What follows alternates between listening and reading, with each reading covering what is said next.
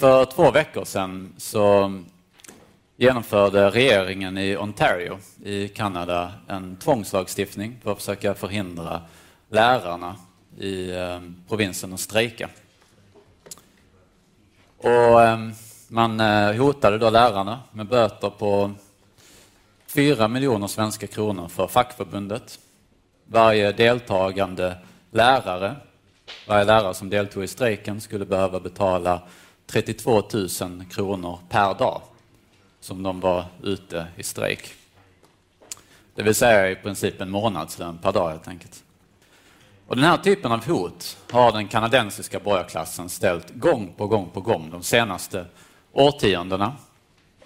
Och resultatet som de hade kunnat förvänta sig den här gången, som de i princip alltid får, det är att facket backar. Och de vågar inte ta strid mot borgarklassen. Men nu, för två veckor sedan, så hade det nått en gräns. 96 procent av lärarna hade röstat för att strejka och det är inte så konstigt för om de inte strejkar så skulle de stå inför en reallönesänkning på 6-7 procent.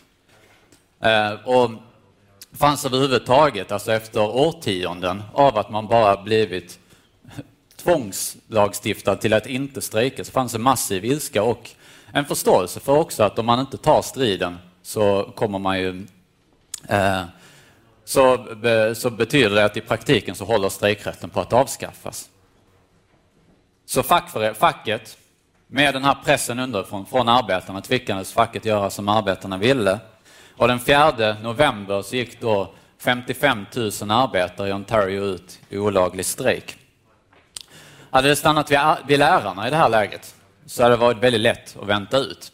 Det är det när folk i offentlig sektor strejkar. Alltså för, för borgarklassen förlorar inte direkt några pengar på det. Det värsta som händer är att det är några elever som inte eh, får eh, de får inte sin utbildning på några veckor. Men å andra sidan så skulle, ju, eh, skulle staten få en ganska saftiga strejkböter och så skulle det väl jämna ut sig.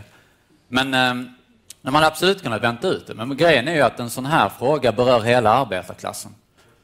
De eh, lärarna var först ut Eh, i ehm, löneförhandlingarna. De andra arbetargrupperna visste ju att om de genomför en tvångslagstiftning mot lärarna, eh, om de lyckas segra mot lärarna så kommer vi vara näst ut. Då kommer ni göra precis samma sak mot oss. Vi kommer få precis samma eh, urusla avtal, vi kommer få precis samma reallönesänkningar. Så överallt fanns det en massiv press på facket för att ta strid. Och inom en vecka så skedde någonting som jag inte tror skett i Kanada på årtionden. Facket tvingades börja mobilisera för vad som i praktiken skulle ha utvecklats till en generalstrejk. Och det skulle ha börjat i måndags. Och de ställde då regeringen i Ontario inför ett val. Antingen backar ni med den lagstiftningen som ni redan genomfört, ni tar bort den igen. Eller så står ni inför arbetarklassens samlade makt. Och står man inför det så kan man säga att det är ganska svårt att agera regering om inte arbetarklassen tillåter det. Om man inte eh, har några, om inte telefonerna funkar att ringa med, om inte elektriciteten funkar, om man inte har några chaufförer som kan skjutsa en runt i stan som regering, så är det ganska svårt att fungera. Så regeringen backade i slutändan. Och det här är första gången på årtionden som det har skett i Kanada. Och det är ingen slump att det här är just nu. Det speglar djupgående förändringar som har skett i arbetarklassen. Framförallt tror jag under det senaste årtiondet egentligen. Och nu i hela Kanada så har arbetarklassen sett och lärt. Det har varit en egentligen lektion i arbetarklassens styrka. Man har börjat testa sina muskler. Och det finns absolut inget särskilt radikalt med just lärarfacket i Ontario. Det finns ingenting särskilt radikalt med den politiska situationen i Kanada. Just därför är det faktiskt intressant. Det här är ett land där imperialisterna, det är ett imperialistiskt land, borgarklassen har på resten av världens bekostnad under många decennier kunnat göra stora vinster och med det kunnat också ge då vissa eftergifter för att dämpa klasskampen i landet. Det här är precis som man har kunnat i USA, i Frankrike, i Tyskland, Danmark, inte minst i Sverige har man kunnat göra det. Och därmed har det också funnits en idé bland arbetarna i de här länderna att kapitalismen behöver inte vara så illa. Man kan reglera den lite, justera den lite, reformera den lite. Det har funnits en materiell bas för reformistiska idéer. Och så var det också länge, om man går tillbaka till 50-60-talet. Massiv ekonomisk tillväxt, framförallt i de imperialistiska länderna. Man gjorde enorma vinster. Och under en hel historisk period i sådana här länder så kunde borgarklassen faktiskt köpa sig klassfred. Man kunde ge lite löneökningar, man kunde år för år börja ge kanske lite mer pensioner mot att man slapp strejker, mot att man slapp konflikter på arbetsplatserna och därmed kunde få ekonomin att rulla som vanligt. Hela den här perioden, hela efterkrigstiden, stärkte också arbetarklassen enormt. Inte egentligen det mest intressanta för oss, är inte egentligen frågan om levnadsstandarden. Framförallt är att den ekonomiska utvecklingen gjorde att arbetarklassen som klass växte. Växte som andel av befolkningen. Alla de mellanliggande skikten mellan arbetarklassen och borgarklassen, säg bönder till exempel, som för hundra år sedan eller ännu mer på Marx tid ofta gjorde, utgjorde majoriteten av befolkningen i de flesta länder, blev efterhand arbetare. I ett land som Sverige idag så är bönder, jag vet inte om det är en halv procent eller något av befolkningen. Idag har de blivit arbetare. Eh, och det här har inneburit att arbetarklassen vuxit som andel av befolkningen, därmed också vuxit i styrka, vuxit i social tyngd i samhället. Och det är en av de absolut viktigaste dragen idag. Det är helt omöjligt att förstå perspektivet om man inte förstår det. Det är arbetarklassens enorma objektiva styrka som klass. Men vad hela den här perioden också gjorde, det är att den också trubbade klassmedvetenheten. Det byggde upp mäktiga illusioner i vad kapitalismen kunde erbjuda. Inte minst också vad kapitalismen kunde erbjuda i kombination med fackföreningar och med reformistiska partier som till exempel Socialdemokraterna. Och syftet med den här diskussionen nu, det är att vi ska förstå de huvudsakliga dragen i den nuvarande perioden, som är väldigt annorlunda mot egentligen allting som har föregått den. Förbereda oss, teoretiskt, politiskt, psykologiskt även, för att kunna vara redo för svängningarna, snabbt kunna anta rätt politisk linje, kunna vara på rätt plats vid rätt tidpunkt med rätt paroller. Då hade vi ett kapitalistiskt uppsving. Det vi har nu är en kapitalistisk kris. 2008 så utlöstes den största krisen sedan 30-talet. De kallade det för finanskris, för den uppstod, eller den uppenbarade sig först på finansmarknaden. För att, för att hålla systemet växande så hade man under de hela den föregående perioden lånat ut massiv, massiva summor pengar helt enkelt till en massa människor och för den delen också stater som aldrig skulle kunna betala tillbaka de här pengarna de lånade. Och hela krisen utlöstes när man då upptäckte eller kanske tvingades erkänna att de här människorna aldrig skulle kunna betala tillbaka pengarna. Eh, den utlöstes i USA. Miljoner arbetare förlorade sina hem i USA. I ett slag krossades egentligen den amerikanska drömmen för miljoner människor.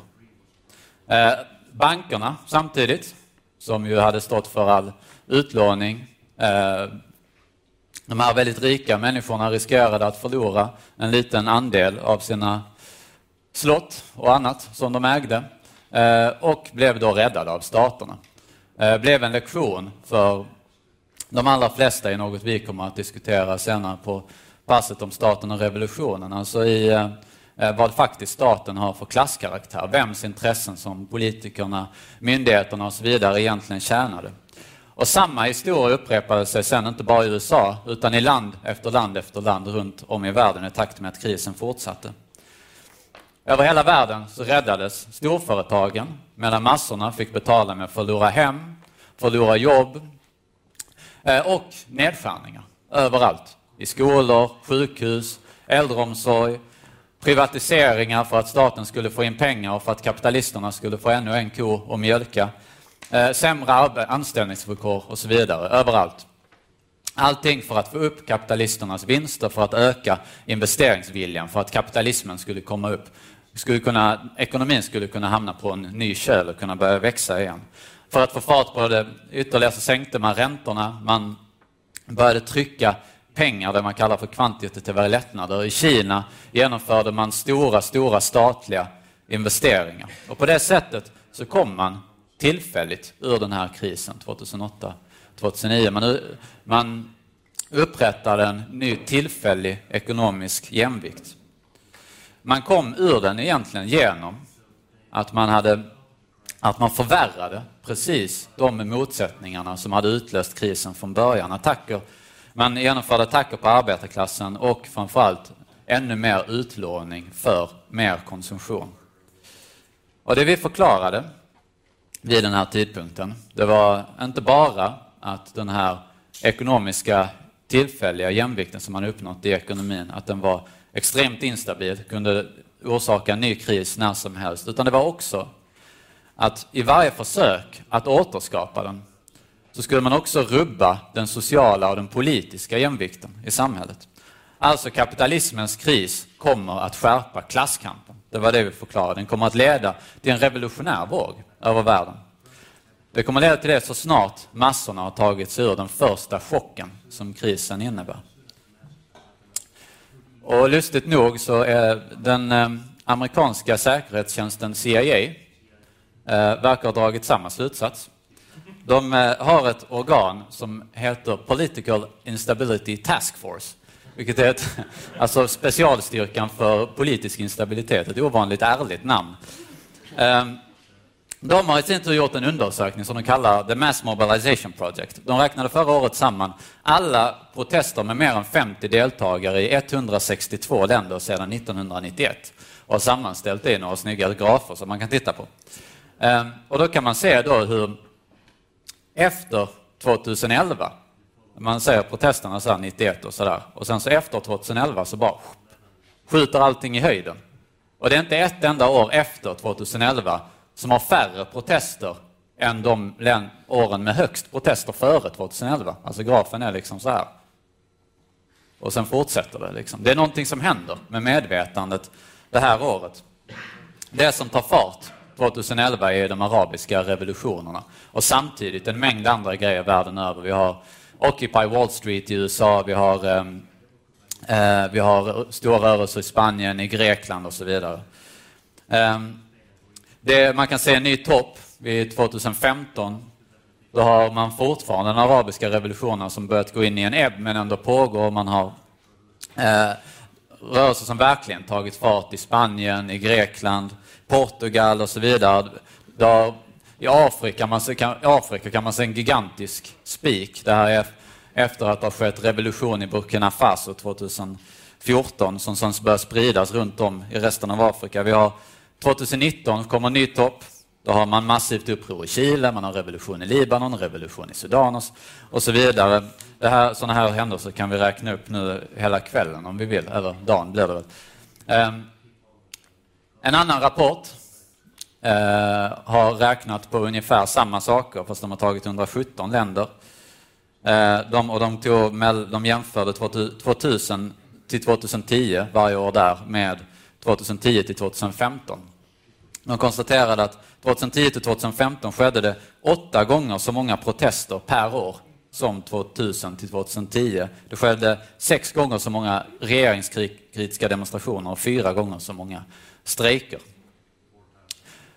Politiskt sett, vad den här perioden har inneburit, är att det som varit den gamla så kallade mitten, de partierna som borgarklassen har lutat sig på för att styra, för att genomföra deras politik, de har förstörts. Det har skett istället en massiv polarisering till höger och till vänster. USA till exempel har man fått Trump till, till höger, Sanders dök upp eh, på vänsterkanten. Vi har i Frankrike Le Pen till höger, Mélenchon till vänster, Storbritannien, Boris Johnson och Brexit till höger, Corbyn dök upp på vänsterkanten och så vidare.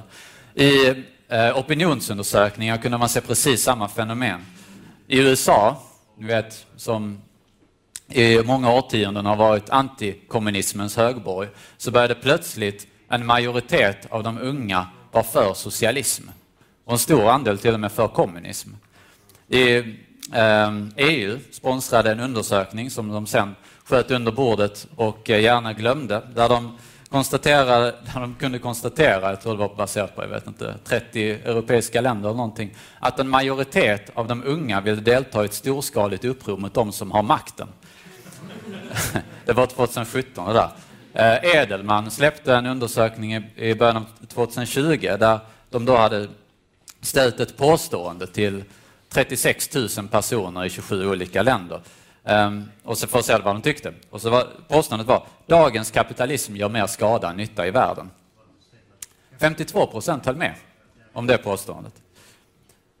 Så vad som har hänt sen krisen 2008, det är att alltså miljarder människor världen över har börjat ifrågasätta egentligen allting som man tidigare har tagit för givet.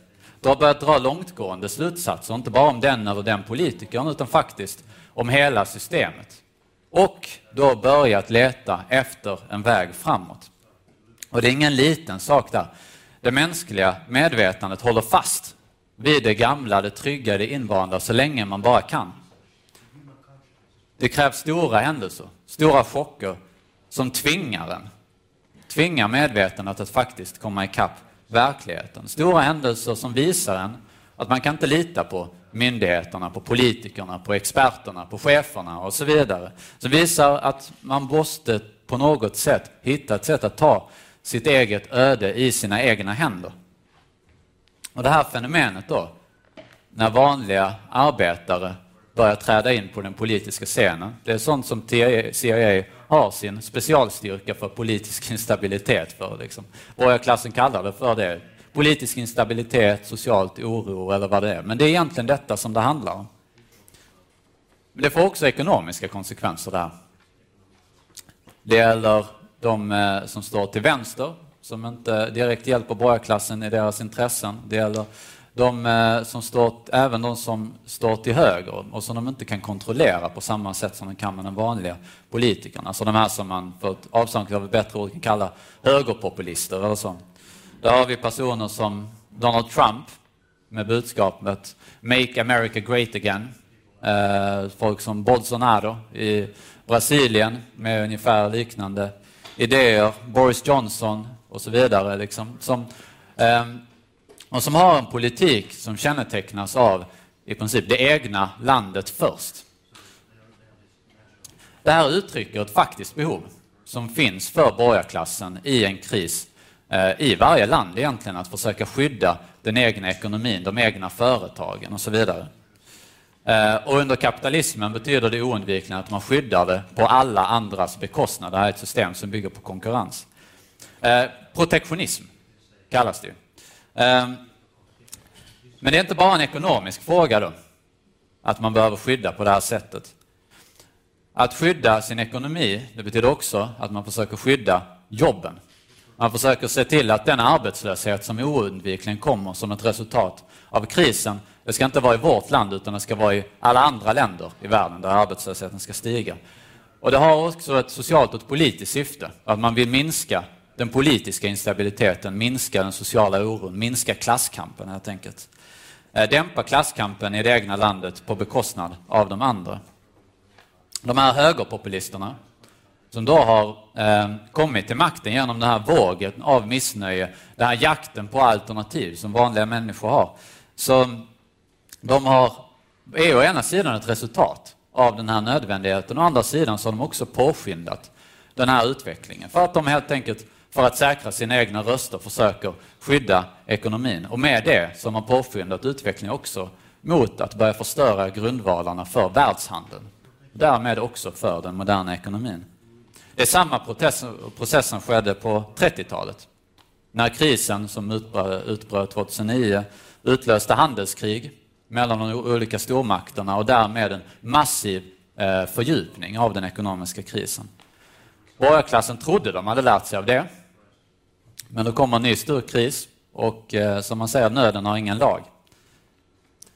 Och vad vi nu har världen över, jag hinner inte gå igenom det, jag hoppas det kommer i diskussionen, det är alltså handelskonflikter på alla fronter.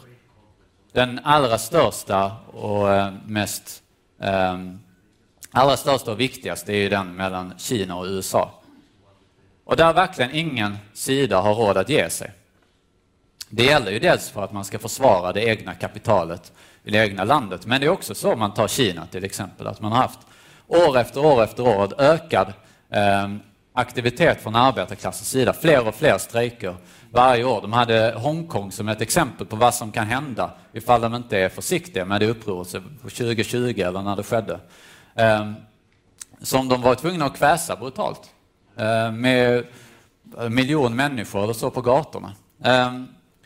Och på det så har man i Kina, på grund av de här stimulanserna man gjorde från statens sida för att komma ur förra krisen, så har man Eh, betydligt värre ekonomiska problem nu. Så de behöver tillväxten, de behöver producera mycket värde i sin egen ekonomi för att få en stabilitet. Stabilitet i klasskampen och för Xi Jinpings och alla hans andra gangstrar i kretsen så behöver man eh, helt enkelt stabilitet för att säkra regimens och deras egen fortlevnad. USA, å andra sidan, har sett under årtionden hur industrin har eh, gradvis eh, flyttats till andra länder. Eh, man har ett massivt missnöje i landet. Man har precis också ökad aktivitet från arbetarklassen. Man har haft protester som säger Black Lives Matter 2020 som verkligen skakat grundvalarna eller skakat hela samhället i sina grundvalar. Protester mot, om man vill, två av grundpelarna för den amerikanska staten, vilket är dels rasismen och sen såklart också polisen som en pelare från alla, alla stater.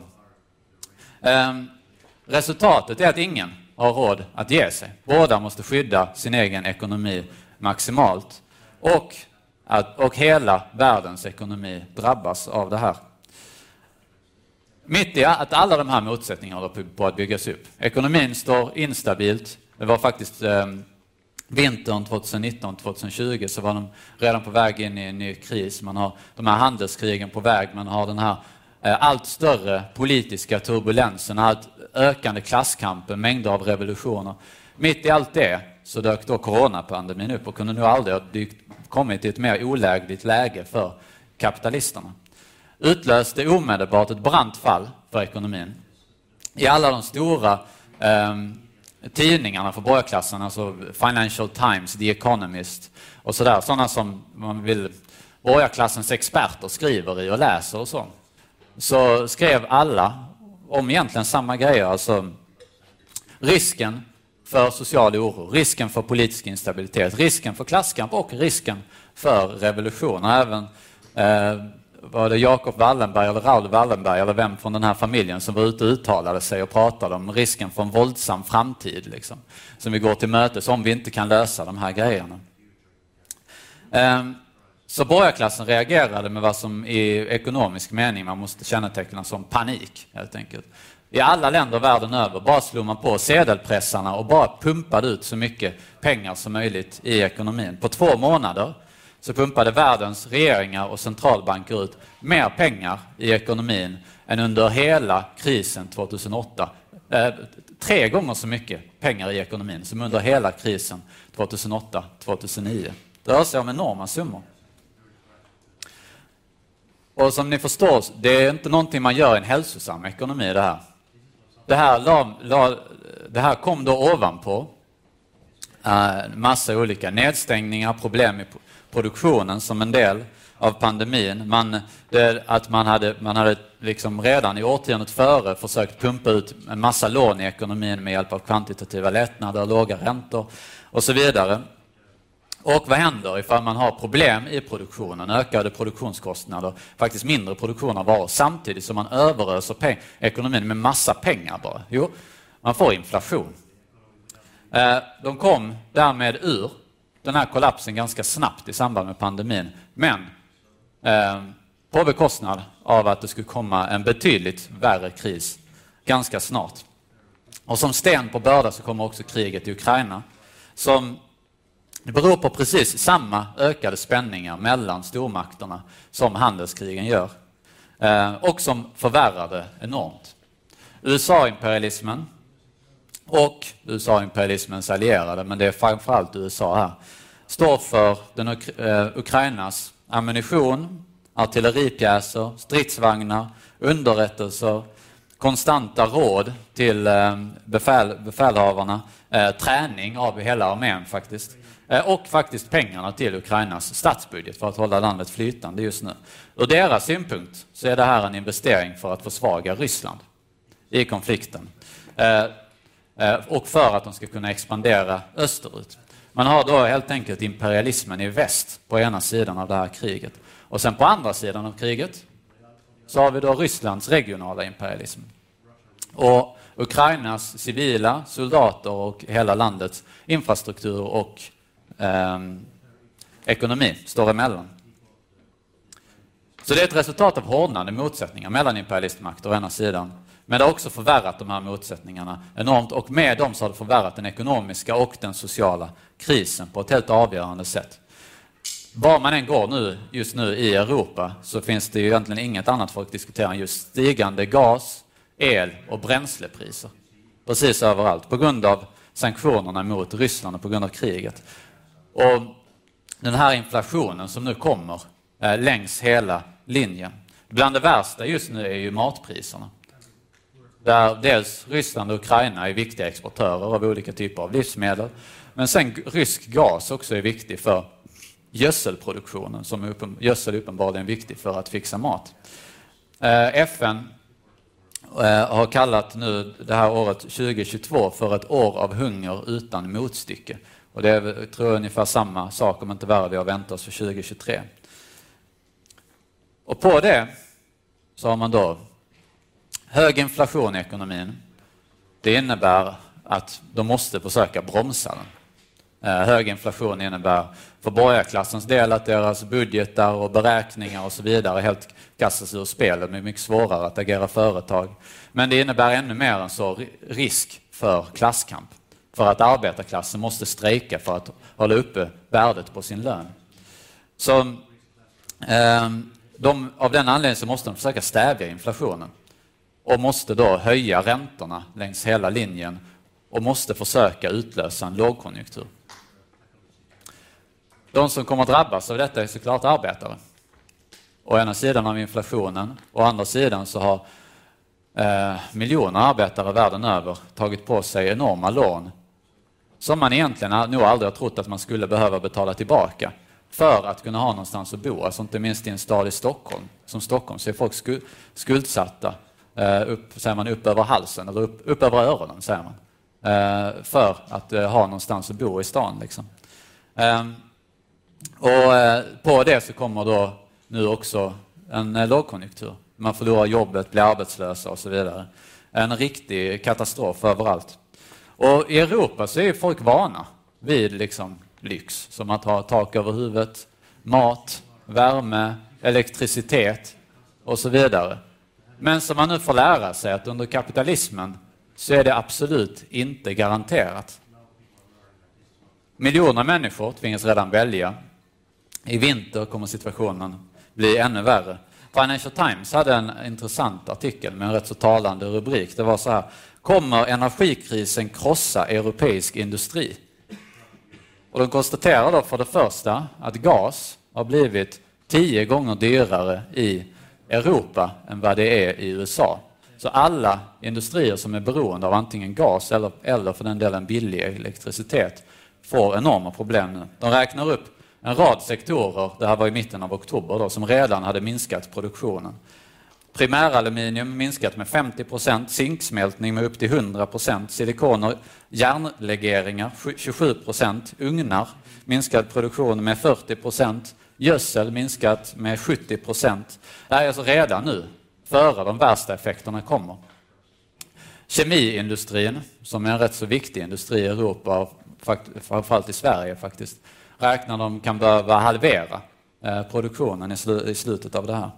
Alltså resten riskerar, eh, nästan hälften riskerar att stängas permanent.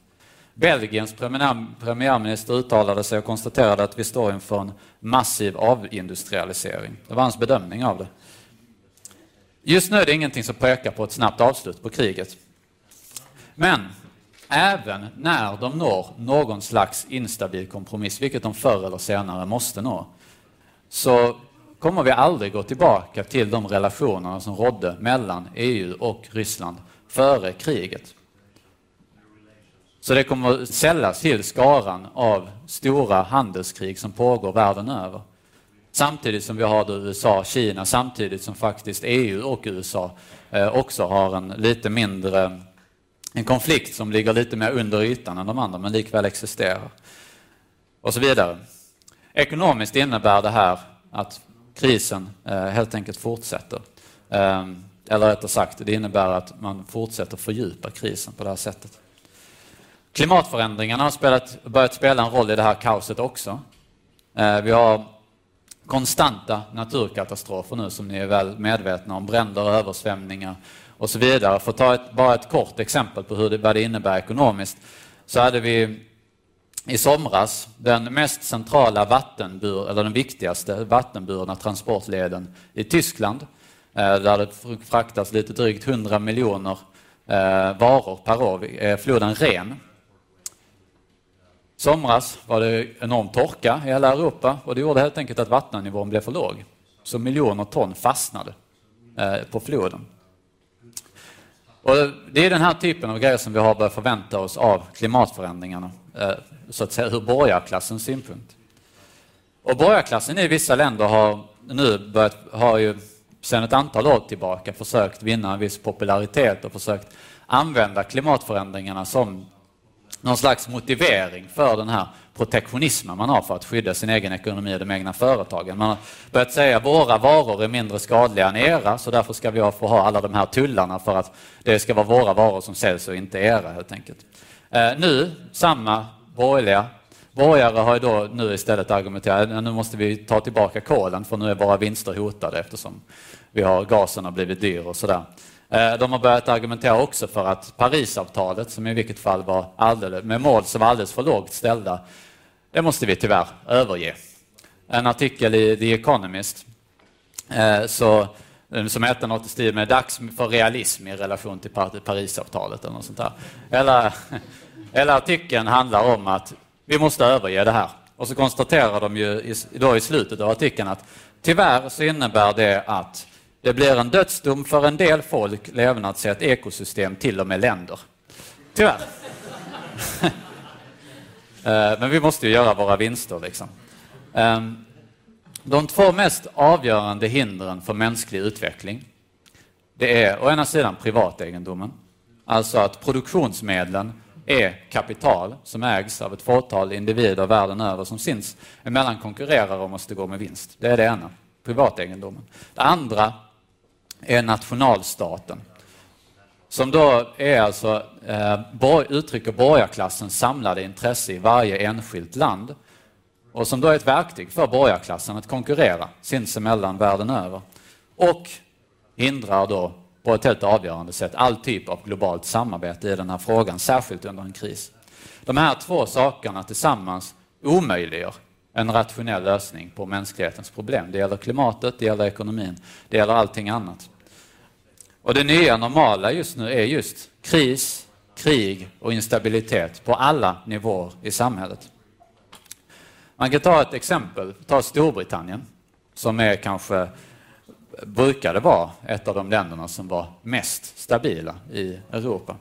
Eh, den brittiska imperialismen kunde under ett par hundra år skapa en viss stabilitet genom att plundra resten av världen, göra enorma vinster och kunna ge lite grann av det till arbetarna i Storbritannien och skapa på det sättet en viss stabilitet i klasskampen. Nu är Storbritannien ett av Europas mest instabila länder. Man har haft tre premiärministrar på två månader. Den ena galna, mer galen än den andra. Man har självständighetskrav från Skottland eh, och man har börjat få kaos på Irland. Man riskerar ett mindre handelskrig då med Europa, eller eventuellt större. Vi får se vad som händer gällande Brexit. Ehm, den härskande klassen har förlorat kontrollen över sitt eget parti, vilket är Torypartiet. De måste nog, och verkar just nu lustigt nog, då föredra att arbetarpartiet, för att de är åtminstone pålitliga, Labourpartiet, ska styra. Eh, man eh, har en massfattigdom i landet som bara blir värre som konsekvens av krisen. Man har en begynnande strejkvåg eh, och en kamp som har börjat inom fackföreningen för att arbeta och försöka göra dem stridbara. Det är på många sätt faktiskt att sammanfatta nu Storbritannien huvuddragen i världssituationen, alla olika motsättningar som finns överallt. Och vi har en konstant politisk kris. Det gäller Storbritannien och det gäller nog, tror jag, vartenda land världen över. I Sverige så har vi märkt det de senaste åren med en typ av instabilitet i politiken som inte funnits där tidigare. Trump i USA har haft krig med varenda institution i den amerikanska staten, Bolsonaro samma saker i Brasilien och så vidare. Det här är, blivit, det här är ett globalt fenomen.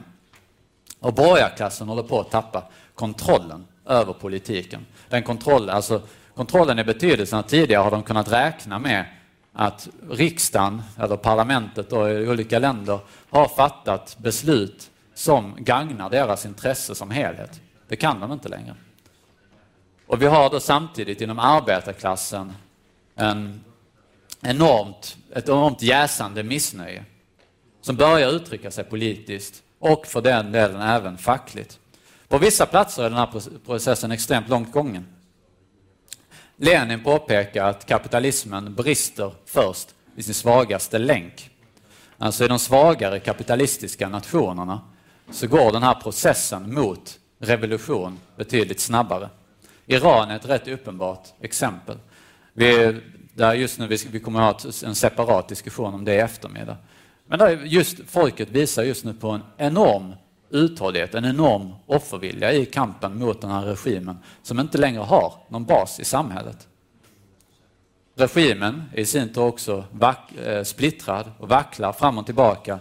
Och om det hade funnits i Iran ett kommunistparti med en massbas så hade man utlöst generalstrejk och den här regimen hade varit eh, något i det förflutna. Man har fältet i ett slag. Problemet är att det finns ingenting. Det är den centrala frågan och det, och det är överallt. Det här är arbetarklassens mest avgörande objektiva hinder. Det är den största motsättningen i vår epok. Det finns inget verktyg som arbetarklassen kan ta i bruk för att fälla de här regimerna på ett effektivt sätt och själva ta makten.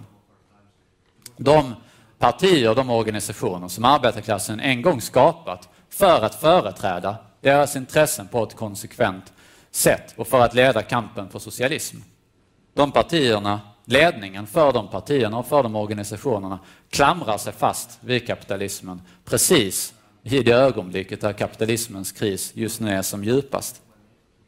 Och det här innebär att det finns en lång och hård kamp framför oss, precis i den frågan. Arbetarklassen kommer antingen behöva slita de här organisationerna ur de här välgödda byråkraternas och ibland även kapitalisternas klor som sitter i toppen på dem.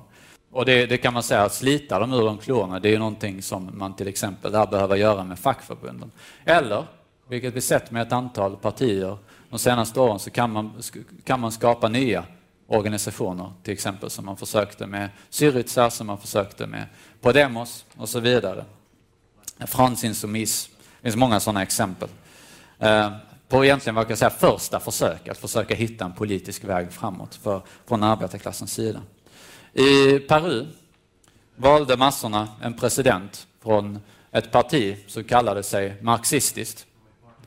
Ur massornas synpunkt måste ju tanken ha varit att vi ska genomföra revolution med det här valet. Man valde Pedro Castillo, känd arbetaraktivist. Tyvärr är inte det här partiet marxistiskt, de är inte revolutionärer, ingenting åt det hållet, de är reformister. Och politiken som Pedro Castillo bedriver i regeringen är precis därefter man anpassar sig till borgarklassen. Men poängen, det som är intressant för oss här, det är hur massorna tänker precis i den här frågan. Man försöker välja det mest radikala alternativet, man försöker få till förändring. I Colombia har vi just nu den kanske första vänsterpresidenten någonsin. Kanske vänster är lite en överdrift, men återigen poängen är hur massorna ser på saken och ser på det som en avgörande förändring. Och det, det, det är just det som har skett. En världsomspännande förändring i massornas politiska medvetande som återspeglar en världsomspännande kris för kapitalismen. Där varje land i världen är indraget. Och jag börjar just inledningen med lärarna i Kanada. Inte för att processen är särskilt långt gången där, utan just för att den inte är det. Det är just för att det här är ett av de länder som sackar efter i den här processen på grund av att borgarklassen har gjort stora vinster länge. De har kunnat hålla klasskampen på en lägre nivå av den anledningen, precis som situationen i Sverige. Men det visar ju just därför desto tydligare att situationen håller på att mogna överallt.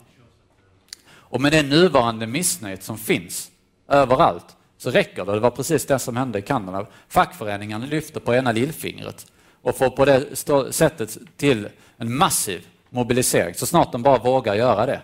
Och borgarklassen har det läget ställda inför arbetarklassens styrka. Just nu så har de inget annat val än att slå till taktisk reträtt och försöka hitta ett annat sätt att attackera arbetarklassen på. Situationen är att borgarklassen kan inte vinna just nu, för arbetarklassen är för stark. Å andra sidan kan inte arbetarklassen vinna just nu, för att man måste först segra över sin egen ledning. Och det här ställer oss en uppgift. Vi måste bygga ett verktyg som arbetarklassen kan ta i bruk. Och det måste vara baserat på de mest revolutionära idéerna på planeten, på de högsta höjderna som det mänskliga tänkandet har nått. Vi måste alltså förbereda den internationella marxismens styrkor, förbereda det ledarskap som arbetarklassen förtjänar för att kunna segra i den socialistiska revolutionen. Tack!